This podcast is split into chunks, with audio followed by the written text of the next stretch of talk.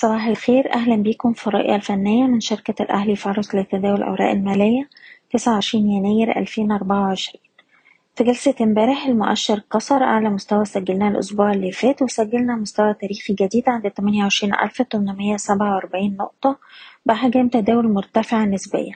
قفلنا جلسة الأحد على ارتفاع 3.5% بالقرب من أعلى مستويات الجلسة عند 28625 ومؤشر السبعين قفل على ارتفاع اتنين في المية.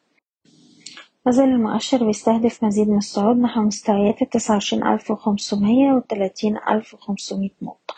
وده طول ما إحنا محافظين على أقرب مستوى دعم وأقل مستوى اتسجل الأسبوع اللي فات عند سبعة وعشرين ألف ربعمية وستين واللي نقدر نعتبره مستوى حماية الأرباح على الأجل القصير.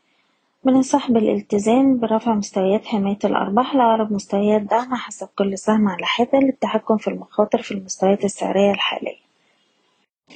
وبالنسبة للأسهم نبدأ بسهم أبو قير اللي قفل امبارح بالقرب من أعلى مستويات الجلسة بأحجام تداول عالية والسهم بيتداول بالقرب من مستوى مقاومته تسعة وتسعين جنيه خمسة وتمانين قرش.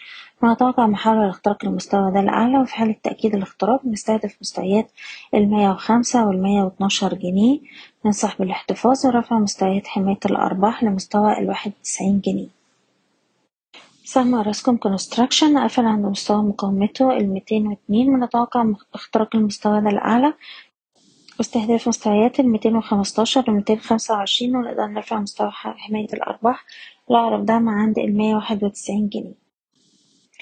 المجموعة المالية هيرميس قفلت بالقرب من مستوى المقاومة تمنتاشر أربعين. باختراق المستوى ده السهم يستهدف تسعتاشر عشرة وتسعتاشر جنيه وسبعين قرش. نقدر نحتفظ ونرفع حماية الأرباح لمستوى الدعم السبعتاشر جنيه وستين قرش. سهم إم إم جروب عنده فرصة لاستهداف مستويات التمانية وربع والتسعة جنيه وطول ما إحنا محافظين على مستوى الدعم السبعة جنيه وعشر قروش وأقرب مستوى دعم جلسة اليوم هيكون حوالين السبعة جنيه ونص. وأخيرا سهم مينا للاستثمار السياحي بقاله ست جلسات في حركة عرضية بأحجام تداول منخفضة نقدر نحتفظ ونرفع مستوى حماية الأرباح لأقرب دعم عند جنيه سبعة وستين ومن متوقع السهم يستكمل الحركة الصاعدة واستهداف مستويات الجنيه خمسة وتمانين والجنيه خمسة وتسعين. بشكركم بتمنى لكم التوفيق. إيضاح الشركة غير مسؤولة عن أي قرارات استثمارية يتم اتخاذها بناء على هذا التسجيل.